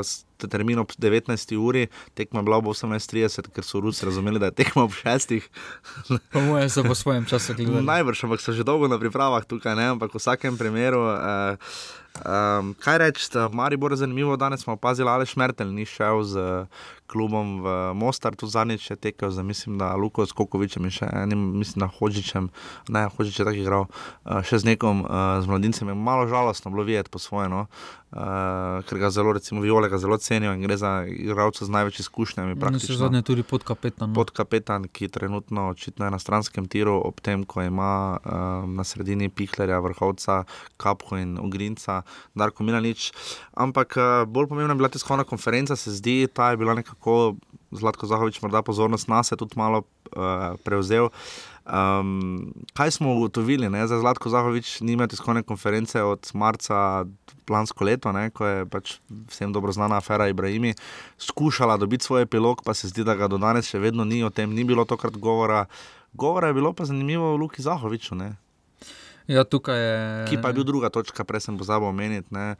Luka Zahovič je bil strahovito odrezan od uh, kakršne koli resne akcije v, proti Krasnodarju. Ja, vendar tudi tisto, kar je prišel v akcijo, so branilci Ga pospravili. pospravili res. Ni imel najboljših priprav Luka Zahovič, ni, ni prišel še iz tiste krize. Ne, tukaj zdaj mogoče res. Igral pa ni eh, malo, ne. Lahko povežemo, da mogoče z glavo ni bil zaradi prestopa, kot smo zdaj zvedeli, da je res blizu odhoda. No. Mogoče zato tudi ni bil pravi, vendar eh, kot sistem eh, mu res ne leži, ker se mora res potem on eh, boriti z branilci. Nima pa on fizike za takšne duele. Ja. Tako da tukaj pogreša, po mojem, najbolj Novakoviča med vsemi. No. Se mi zdi, da- Novakovič mu je res prostor delal, pa tudi spuščal žoge. Čeprav se zdi, da se, se na eni točki s Tavaresom bolj šojela kot z Novakovičem, ampak v vsakem primeru Novakoviča ni več, je tu Tavares. Uh, Maribor je igral, kak je igral proti Krasnodarju, težko oceniti. Ne? Na nek način je bilo 4-2-3-1, na nek način je bilo 4-4-2. Je pa dejstvo, da po vstopu Jasmina Mešanoviča je bilo v napadu precej bolj dinamično in pestro, tistih 10 minut, koliko je dobil na voljo. In tu je Jasmin Mešanovič absolutno skrita rezerva Maribora, nekaj, kar kljub lahko nauči. Drugih nekih silnih rezerv pa ni, zdaj vidimo, da postava je bolj ali manj, kot smo zadnjič omenili, jasna. Bomo sicer videli jutri ob 19. uri v Mostarju, ampak pozabili smo povedati, da Gorica igra ob 21. uri, pri Panjoni so v Grčiji, domžale tudi gostujejo na Islandiji in pa Maribor ob 19. v Mostarju, torej tri tekme v gosteh. Um, smo skratka tu videli Handanovič v vratih, potem Viler, Šuler, Rajčevič in pa Palčič. Rajčevič je tu ek, vidno. Uh, zna biti šipka točka. Ja, Nekaj, kar To se vidi, da res ni nivo defendi. No. Defendi, šuler sta bila res. Liškovič je bil na tekmi v Mariboru, si je lahko gledal živo, uh, potem Kapha in vrhovec na sredini, tu se zdi, da pač Pihler in pa Ogrinec uh, bosta dobivala priložnosti druge. in potem, tu pa se potem lovimo, ne? hotičah, mediji, bajde. To mislim, da je vseeno trenutno vodilna. Bohar je bil malo izven pogona zaradi Ampak je danes rekel, vendar, da so vsi zdravi, celo Ja. Denis Šmene. Vendar Jaz začel trenirati. eh, nima dobene tekme, sedaj zadnji dve tekmi mislim, da ni odigral Bohar, da Malo verjetno, da bi bo tudi- malo verjetno začel, mogoče bo kot Joker sklopino. Ja, in potem v napadu ima pa opcije. Uh, zanimivo je nekaj, ne? Zdaj, opcije realne so Tavares, Mešanovič in pa Zahovič, vkolikor seveda Luka Zahovič je odpotoval v Mostar. Uh, ampak um, bolje zanimivo se zdi to, um, da, da Zahovič na tiskovkah pa omenja Štora in Celarja. Ne? Ja, tukaj eh, Malo to je res. nekonsistentno. No? Ja, je pa spodbudno, no, da je eh, sedaj poimensko tudi izpostavil te mlade igralce, kot kaže v klubu, res računajo na njih. Hajrič odšel, ne? Hajrič je še na posojo. Ja. Mm, tako da bodo pa morali dobiti ti, mladin, ti mladi igralci počasi minute v prvenstvu, predvsem Kramarič. Eh, Potem tudi Celar bo počasi ob, ob morebitnem odhodu Zahoviča moral prevzeti neko breme, štor na vse zadnje tudi, tako da ogrinec, tukaj res peljada mladih. No. Tu je eh, Žiga izvrstno pripravil eh, nekatere točke, mislim, da bi lahko rekla, da je Blaž Liškovič, to smo že zadnjič najmočnejši člen, se zdi morda trener pri Mostarju, pri Zrinskem, eh, 23. marca je prevzel ekipo, Ponovno, ja, takrat ja. je Ja. pa že dvakrat dvakrat ne, torej on je njihov Safet Hadžič. Eno tekmo je samo izgubil od desetih, ne. Uh, štiri remi in pet zmag je štiri leta je vodil uh, bosansko reprezentanco, um, zaključil kariero tu, tretjič za trener. Um, kaj reči, pripravljalne tekme Zrinskega so pokazale kaj? Ja, da imajo, da si izbirajo podobne nasprotnike kot Olimpija. No, eh, Vsi iz, vsi iz Bosne. Vsi iz Bosne, pa niti pri vrhu niso, vsi bosanski boljši klubi so igrali že prvi predkrok Evropske lige. Tako da Pa tukaj so šli naprej, ne, to, Ne, Sarajevo ni Sarajevo je spadlo po penalih. Ja. Ja. Najprej so začeli pričakovano z nižje ligašem eh, iz četrte lige. Ker so ga gladko odpravili, potem pa so odigrali dve tekmi z istim nasprotnikom, ker jim je za tretjo tekmo jim je, nekdo, jim je nekdo odpovedal, so pa igrali z Gošk, ki je novi prvi ligaš, Ligaš torej Bosne. Recimo na ravni, po moje, ter po moje to tako, kot da bi proti Maribor proti Ankaranu odigral, no Recimo. vseeno. Dva od uh, tistih, ki sta odšla, sta šla v Slovenijo, Mešanovič, Maribor, Tomislava, gologlavega Tomiča smo videli pri Olimpiji, nekako na zadnjem veznem se zdi, tam blizu Krecoju. Uh, tu so kar ostali brez uh, igralcev, tudi uh, Oliver Petra, ki je dal 5 golov in 4 podaje, Tomislav Tomič, kot že rečeno, prav tako 5 golov in Mešanovič 11. Um, prišli pa so, kaj pa rečejo igralci, ki so prišli, kdo je tu najbolj nevaren. Ja, tudi so črpali eh, več ali manj iz eh, Bosanske lige, no, tako da eh, tukaj res vprašanje, v kakšnem stanju so ti igralci. Res, so odigrali veliko tekem eh, v sami ligi. No. Za njih je to vrhunec sezone, v vsakem primeru, za tako ekipo, Ja. ja. ki je skupaj sestavljena za Maribor, pa minimum na nek način. Ne? Ja, recimo njihova najbolj zveneča okrepitev je napadalec iz druge bosanske lige, ki je v drugi bosanski ligi dosegel 14 zadetkov in 8 podaj. Vendar res ne moramo oceniti, ker ne vemo, na kakšnem stanju je druga bosanska liga, vendar na nekem visokem, glede na prvo ligo, ne more biti. No. Tako, zdaj pa še hvala lepa. Torej, 19. uri Maribor v sredo in pa ob, dva, ob 21. uri Goric a, proti Panioniusu in a, ob 22. uri Domžale pri Valurju. Zdaj pa še bomo šli na hitro. A, vemo, da smo dolga, ampak odšteli bomo te štiri klube, o katerih smo govorili. A, začne se 27. državno prvenstvo, prva liga Telekom Slovenije. Um, na hitro grejo potem uh, kar po vrsti, uh, recimo, mislim, da gre kar tako, ne celjani, ja. so bili lani. Pet. Peti, ne. Um, peti, kaj reči o celjanih, uh, to je klub, ki potrebuje svoj list zaradi vseh prestopov. Um, pa še nekoga, mislim, da je danes Petrovič dobil, uh, prej sem ravno videl še nekoga iz Krškega, uh, ravno vmes videl. Um, od tistih, ki so odšli, bomo verjetno po, po, po, najbolj bo pogrešal kar nekaj igralcev. No. Uh, Klemenčič je prišel do, žale, kotnik, kot že rečeno, v Panionos, Goran Cvjanovič, je, mislim, da še ni šel v Gorico nazaj. Gorice šlo na preizkušnjo, samo vendar še niso nič objavili. No. Dalibor Vola še že v Špartu, kot vemo, Goran Galešič, Banja Luko Lovreč, ki je dal gol, uh, mislim, na aluminiju. Pri, uh, za Inter za Prešič, Irfan Hadžič je šel uh, v šaleški derbi, uh, v Krudarju, Žirko z Muro, Lovrečič, uh, recimo še tisti, ki smo ga bolj gledali, še ne vemo, kam je šel, uh, Matej Podlogar je šel, to je Grčija, ali ja. Cipr, Grčija. Uh, in, in pa Amar Rahmanovič, še nazaj v Sarajevo, tistih, ki jih malo bolj poznamo. Kaj pa prihodi? Uh, okay, Tim Obre se je vrnil iz Ivančne Gorice, uh, kar nekaj teh posoj vrnitev. Ja, to so uh, mladi igralci, ki niso dobili dobene priložnosti. Uh, od omembe vrednih prihodov je vsekakor Dangovič, ki se je vrnil ponovno na posojen z reke, potem Luka Šušnjar, uh, Šušnjara, tudi ostala brat od Štrausa je prišel, od roke Štrausa, ki je igral v nižjih ligah. To je tudi ime, brat od roke Štrausa. Vidim pa tukaj naprej lige Telekom Slovenije, da je Tomaš Petrovič zvabil po Filipu Dangobiču iz Hršega še Nikola Gatariča, ki se ga spomnimo kot zelo vztrajnega, da ne rečemo nadležnega, nogometaša ja. na sredini oziroma spredaj na, na igrišču v polju, zelo aktiven igralec. Tako da uh, tu se je ukrepil dobro, to lahko rečemo. Ja. Dangobič in Gatarič sta zagotovo največji imeni, ki jo je Tomaš Petrovič dobil. Uh, Priprave, kar težko, no, vseeno so igrali šest tekem, vendar so segli samo dve zmagi. Takrat smo se slišali na zadnje z reko, so visoko izgubili spet proti ena v generalki za Matjaža Keka in pa premagali so drugo ligaša Dopne.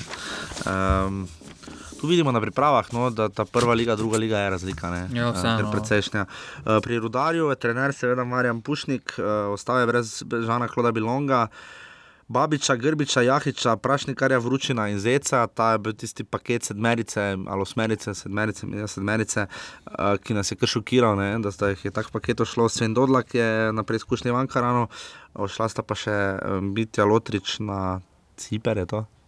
Ciper, to je šel v Elžneru. Ah, Helzner, točno se je rekel, in pa Damir Grgič. In Bilonk je zapustil. Od teh, sta prišla, uh, Jakob Novak in Sandy Čoralič in pa Vukličevič in Pušaver, to sta dva sta iz Olimpije, dva sta iz Marivora, to bo zelo zanimivo videti. Ne? Ja, tukaj uh, kljub temu. Da je na začetku priprav res delovalo slabo, za rodarno, milo rečeno, so sestavili solidno ekipo, na vse zadnje. Vukliševič, Pušaver ima ta veliko tekem že v prvi slovenski ligi, potem Edin Junuzovič je tudi uh -huh, kar enorirano ja. ime. Uh, Irfan Hadžič je ja. dokazoval v celju. In... Tudi eh, Novaka in Čuraliča, Pušnik zelo dobro pozna še iz časov iz Olimpije, tako da tukaj točno ve, kaj lahko dobijo te dveh igralcev. Ampak se zdi, da največja ukrepitev je dejstvo, da John Mary za zdaj ostaja ne, na zadnje. In tudi glavina. Ja. In glavina zabil je proti. Eh, lokomotivi, uh, igrali so tudi s Hajdukom, dve proti dve in pa z Istro, izgubili z nič proti tri, premagali Ungeni, druga Moldavska, lika šest nič. Igrali z lokomotivo Moskvo, ena proti ena, zdaj vprašanje ali je bila to prva postava ali ne. Uh, in pa uh, rudar med sabo, beli proti modrim, 6-2. Um, kaj reči, no, Marjan Pušnik, kot ga poznamo, veliko stavi na fizično pripravo. Ja, vsekakor. Kompaktnost. Prinesel energijo, vse Pušnikove ekipe slovijo po neki energiji, po trdi volji, oziroma po tem boju, nikoli, vedno, vedno, vedno se je šlo do konca. Da... In pa to je tisto, kar je manjkalo, da se spomnimo lani, ta ekipni duh jim je najbolj manjkalo. Spomnimo se, da sta Meri in Glavi nagrala praktično za sebe, za prestope, da je pač to na pol agencijski klub bil ne, in uh, se je to zelo poznalo in to je nekaj, kar pa Marjan Pušnik zna obrniti. No. Ja, tukaj eh, bo vsekakor rudar, uh, samo osebno računam, da bo pozitivno presenečen. Tudi jaz mislim pa, da je to ena izmed tistih trenutkov, počasi, ko bo Marjan Pušnik, bomo videli, ali je bila tista sezona z Olimpijo izjema ali pravilo. Ne? To bomo pa zdaj videli kmalo, glede tudi na njegovo izkušnjo pri Hajduku. Novi trener Krškega je, kot seveda vemo, Stipe Balajč, eh, legenda Maribora. Uh, eh, za nič mi je nekdo razlagal, da, uh, češ, da, ne, da niso spoštovali v B ekipi 19, ki je upokojil. Mislim, da to ne velja tako dolgo, pač dejstvo pa je, da 19 pri enem Mariboru ni, ta je upokojena ja. ravno v čas Stipetu Balajču. Um, ki pa je veliko izgubil. Ne? Ibrahim Mensa, zanimivo se je odločil za aluminij, tako da sta zdaj dva mensaja ne, pri aluminiju. Um, in pa seveda Filip Dangubič in zdaj še Nikola Gatarič, to sta igralca, ki sta. Uh, absolutno veliko pomenila tudi Martin Kramarič, ki smo ga zdaj videli v zelo srboritih dvobojih v Ljudskem vrtu. Tudi stepe vse. Tudi stepe vse. Uh, Damir Sedikovič je konec posvojil čov v Sarajevo. Uh, In Dejan Urbanč, Messi, druge lige, nekoč uh, se je prav tako upokojil. in zelo malo prihodov, ne za Leo Jup. Iz Ja, ja, Olimpije je posojen, ja. posojen, ja. Totič in pa Dijoke sta iz reke posojena, tu ostaja sodelovanje Mi- Niko- Nikola Mandič, posoja iz Osijeka in pa Marin Jurina, eh, tudi znanec, mislim, da Jurina za Koper igral v preteklosti. Um, in zgolj tri tekme pripravljene. ne. Ja, zelo skromne priprave, pa dobene zmage. No. Tako da tukaj res, eh, glede na to, da so podaljšali pogodbo večini mladih igralcev, ki so malo perspektivni, tukaj računajo bolj na delo z mladimi in eh, srdovit boj za obstanek. Upamo tudi, da se ne bo pokazalo tisto, da je premalo pripravljenih tekem in premalo domačega kadra. Tu zna krško iti malo po teh olimpijah, se meni zdi. No. Uh, upamo, da ne, no, ampak držimo pesti. Zeleni so. Njihova tretja sezona v prvi ligi. ne. Ja. Uh, lani so bili osmi, ne? ali sedmi. Osmi. sedmi. Pred rodarjem so bili, Ne, ne, osmi so bili. osmi so bili. Um, Rodar je bil sedmi. Ja. Uh, potem, pa še, potem so pa tu še trije klubi, ki eh, so v, absolutno več časa preživeli v drugi ligi. Aluminij, uh, v njem smo uh, že nekaj govorili, uh, dobri odhodi. Um, Loro Bizek je odšel do Žale, Josip Zeba v Concordijo, Čajna, to zgleda, kot da je Kitajska banija, šel je še preveriti Romunija. Uh, Milan Kocič je šel na Češko, k Bohemijansu in pa Blaž Kramer k Wolfsburgu. Ne? Ja, n, eh, za Kramera se dolgo govorilo in za Olimpijo, in za Maribor, vendar na koncu kar presenečenje, no, da je odšel v Wolfsburg. zdaj eh, pri, ostaja v, um, Škoflek, ne, njihov prvi lanski strelec, Ja. ja. res pa je, da sta dala Bizjak 6 golov in pa Kramer 5 ne, od 38. Um, tu bomo zdaj videli, vedno mesec je lani bil tisti, ki se je po poškodbi vrnil in uh, naredil razliko. Frančeško Tahira je ostala, Muminovič je tu. Um, ogrodje je ostalo, je pa res, da je ostal pač brez dveh ključnih branilcev in pa dveh napadalcev. Ne. Tu bo Ja. Slobodan Grubor moral čim prej najti z- adekvatno zamenjavo, prišli pa so Ibrahim Encah, Luka Čagal iz Hrvatskega drugovoljca in pa Ilija Martinovič iz Lovčena. Um, Pripravljalne tekme je hude, ne? tekmeci Aluminija so praktično najboljši. Ne? To so, mislim, Amkar, prvo ligaš, ruski, nič dva, Vitorul, prvak, ne, romunski, dve proti dve, Kluž, redni udeleženec lige prvakov, nič ena in pa Inter Zaprešič, nekoč tudi hrvaški pokalni zmagovalec, ena proti pet. Kar skrbi je število prejetih za- zadetkov in, In pa danih. ne danih. Ne. Tu, je, tu, tu čaka aluminij velik zalogaj, je pa res, da grejo najprej v Maribor, ne, Ja. ljudski vrt. Kaj rečeš o aluminiju? Ja, tukaj tudi eh, priprave so imeli dokaj slabe, pa tudi, tudi zanimivo, da so se odločili samo za štiri tekme. Vseeno bi si lahko, po moje, našli malo več tekmecev. S težavo z iskanjem ne bi imeli, se se veliko priprav, no, veliko ekip se pripravlja v okolici Kidričevega ali malo za mejo, tako da tukaj z iskanjem ne bi smelo biti težavno. Ključna prednost aluminija bo poleg njihove specifične zelenice in nove tribune, seveda ne pozabimo, ki so jo zgradili lani. Uh, bojo ravno izkušnje prve ligaške, oni bojo to prav tako tretja sezona, tako kot Krško, ampak enkrat prvič so izpadli, so bili deseti, lani so na zadnji dan čakali na dodatne kvalifikacije, ampak jih z Ankaranom ne bodo rabili igrati, ampak dajmo tu tri glav prej omeniti, ki je seveda bil uh, prvak druge lige, uh, malo se je vmes zakompliciralo. Uh, ampak so potem nekako znali skupaj stopiti in pripeljati mirno do konca. Klub, ki zelo pridno dela na družbenih omrežjih, uh, ki ga bomo absolutno gostili zelo hitro, ko bomo le lahko. Uh, prihodi, odhodi, uh, nekaj prihodov smo videli, podpisovanje, predvsem profesionalnih pogodb. Ja, to je. O- Obdržali so v bistvu kader iz uh, drugoligaške ekipe. Tem mladim igralcem so ponudili profesionalne pogodbe, tako da tukaj večinoma eh, je bilo objavljanja novih pogodb, oziroma neke podpisa nove pogodbe. In pa zadovoljni smo lahko, z, zelo eh, rade volje bomo spremljali Tonča Žlogarja v tej funkciji. On je zdaj bil v zamestju, trener v glavnem, to je njegova prva takšna konkretna funkcija. Ja, pa na malo rekli. višjem. pa na malo višjem nivoju. Uh, zdaj od Triglava, s- Triglav za Maribor, recimo, ga rad reče, da je neugoden, ker so kar veliko krat izgubili, oziroma na stadionu Ja, Stanka Mlakarja. doma, doma bo, bo Triglav kar trd za vsakega. No. Vseeno bodo, pr, sedaj so se vrnili po nekaj letih v prvo ligo, tako da euforija bo malo prisotna. Absolutno. Absolutno tu uh, delajo dobro, upamo, da bodo znali pritegniti uh, gledalce. Veliko bomo pogledali, pri Triglavu bomo to lažje naredili, uh, Ankaranem je bolj primer Radomel. Uh, bomo videli, kakšen efekt ima, ko se zdaj vrne prva liga, uh, kjer je že nekoč bila, oziroma vidimo, da se je liga popularizirala. Uh, zdaj, Kranjski stadion je zelo podoben, recimo tistemu v Novi Gorici, Velenju, ja. uh, pa ta atletska steza je na eni strani tribuna. Um, tu bomo zelo pač pozorno pogledali, kako se bo uh, obneslo, kako popularna bo zdaj liga, ali bodo Krančani malo bolj zagrabili z uspehi, tako Maribora, pa potem dvigom Olimpije in tako naprej. To bomo zelo, zelo pozorno gledali in pa pohvaliti Triglovanom, se vidi, da res konkretno in celovito delajo tudi v upravi kluba. In pa imeli so praktično poleg Maribora največ pripravljenih tekem in pogledajte tekmece Rostov, Astra, Reka, Amkar, Wolfsberger, Ilirija in pa Zarica. Ne? Eh, z izjemo zadnjih dveh, vsi prvoligaši, eh, zveneča imena, eh, kar dobre rezultati z Wolfsbergerjem 2 proti 2, z vsem prvoligašom z Ilirijo 2 proti 2, lanskimi recimo. Pa tudi Keko so malo. Pa Keko so takrat kar dvignili pritisk, ko ja. si je Matjaš Kek rekel, da jih je kar napel svojim fantom, da, da so tekmo pre, pre, preveč z levo roko vzeli. Uh, in pa potem je še tu Ankaran Hrvatini, Rajko Štolfa Sežana.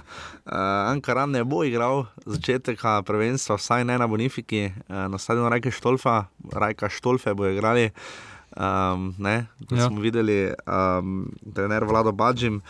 Um, Um, njim priprave niso najbolj uspele. Uh, se je prva tekma. Eh, sploh prva tekma, nič deset. Uh, Tam je samo Jermanišče uspelo. Tam je samo Jermanišče uspelo v njegovem medkontinentalnem dojemanju nogo, no, žo, nogometne igre. Ural nič ena, so premagali dob, sicer pet ena, izgubili z novim drugim gašem Fužinarjem, z nič proti ena, izgubili z Rubinom, zgolj dva nič, recimo, in pa potem še za isto, ena proti štiri. Džafa je tudi tisti očitno, ki bo um, zadolžen za zadetke. Zadolžen za zadetke uh, Jaka Štromajer je odšel, pa David Lukanc, ne, konec posoje iz Kopra. Uh, Kopra.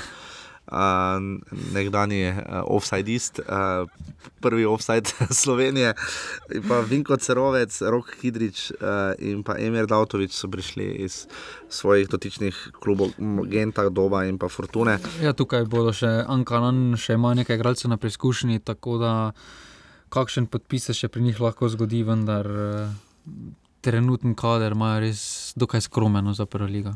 Zelo tu, če bi zdaj napovedovala, ne, nekako lesvico, uh, preverjeno začne, morda bo tudi objavila, uh, bi rekla, kaj. Mislim, deluje tako približno tako, kot je zdaj to zloženo. Ja. Uh, mogoče, če gremo od spodaj, uh, borba bo.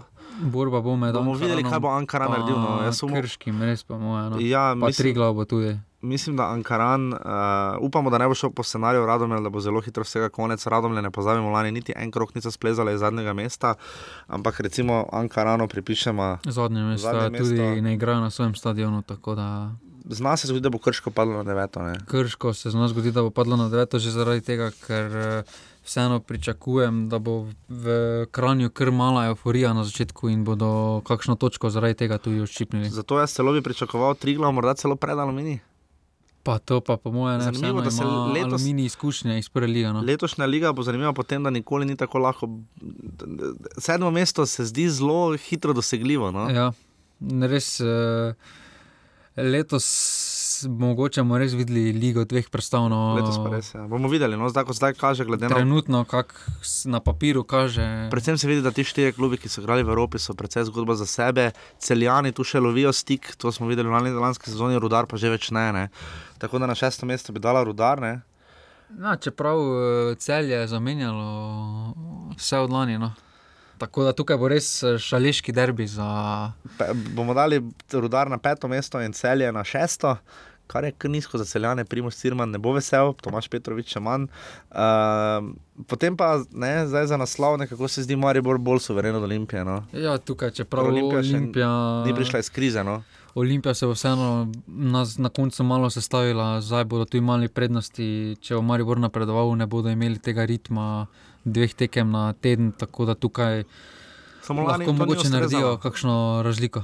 Lani to niso uspeli do konca, v noči so pa lažje držali stik. Ne? V Ja, bistvu so pa potem sami zaradi sebi- tega tudi jesenski del držali. stik Maribor potem ni kiksal, dokler pač ni bilo vse odločeno. Tako da imamo Maribor na vrh in Olimpijo. Kam potem Olimpijo, ne? kje sta tu Domžale in Gorica?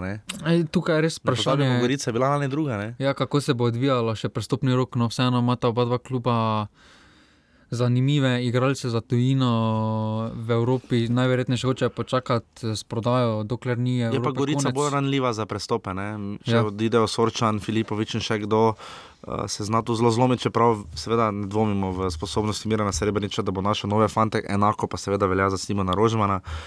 To bo 27. prvenstvo, uh, druga liga se potem začne, mislim, v avgustu, tretja liga pa mislim, celo že v septembru. Vse, o vsem vas bomo sproti obveščali. Uh, to je to, dolžni smo vam, seveda, offside, žiga je pridno zbral podatke. Olimpija je vse ujela domžale in ima štiri offside in bo pri teh, prvi, in bo pri teh tudi ostala. Uh, Gorica je, je pri treh, uh, to se bo absolutno še v naslednjih dveh tednih spremenilo. Uh, po dve tekmi še ima vsak klub, se bo pa po vsej verjetnosti pridružil tej lestvici tudi Maribor. Maribor oziroma Luka Zahovič bo po mojem kar visoko. No. Če bo seveda igral, iz, vprašanje je iz minute v minuto se lahko to spremeni. Uh, To nisi povedal sončnimi očali, tako da Ne. ne verjamem. Ja, uh, prva liga 27. sezone se začne ravno v Sežani, na stadionu Rajka Štolfe, k- kjer bo dvoboj drugo ligašev, lanskih Ankaran Triglav, tu bomo marsikaj videli že. Že ta bo povedala. Uh, ta bo veliko povedala, sploh če bi Ankaran izgubil. Ne? Um, potem je Maribor Alumini, vedno zanimiv dvoboj, uh, ki bo bolj odmev na tekmo v Mostarju, uh, Mariboru. Te tekme ponavadi na začetku ne ležijo Ja, najbolj. pa priprava že na sredino tekmo. Ja, zelo z mislimi, vprašanje, kje bodo. Uh, Vprašanje je tudi, kakšno postavo poslal Milanič. Ja, na- 2020, ob 6. je tekma v Sežani, ob Ljudskem vrtu ob 2020, živele reklame na kanalu. Torej lahko priješ ob pol devetih na stadion. komod. Uh, Krško Gorica, uh, ampak sem dobil zadnjič sem slišal uh, iz svojega vira, da so letos potem se res dogovorili, da bodo tekme v 2020, da ne bo več zamujanja. Upamo, da se bodo tega držali. Potem pa tri tekme v nedeljo, Krško Gorica ob 18. uri na stadionu Matija Gupca. Tu bomo tudi videli, zanimivo, da Gorica in Domžale back-to-back gostovanje, ne? uh, ker tudi domžale grejo potem ob 18. uri, hkrati igrajo v Velenju. In pa začer, ne, Olimpija celje ob 2020, takoj velika priložnost za Tomaža Petroviča, da pokaže, kaj zmore in zna. Vemo, da je za Krškim znal tudi kaj zalomiti Olimpiji. In uh, Olimpija tu ima pa seveda priložnost, da začne, kot je povedal Branko Ilič, znova. Tako da to je to, danes smo bili spet malo daljši, res je veliko tega, malo bomo probala premisliti za naslednji teden, ali bi ne mara naredila celo dve oddaji.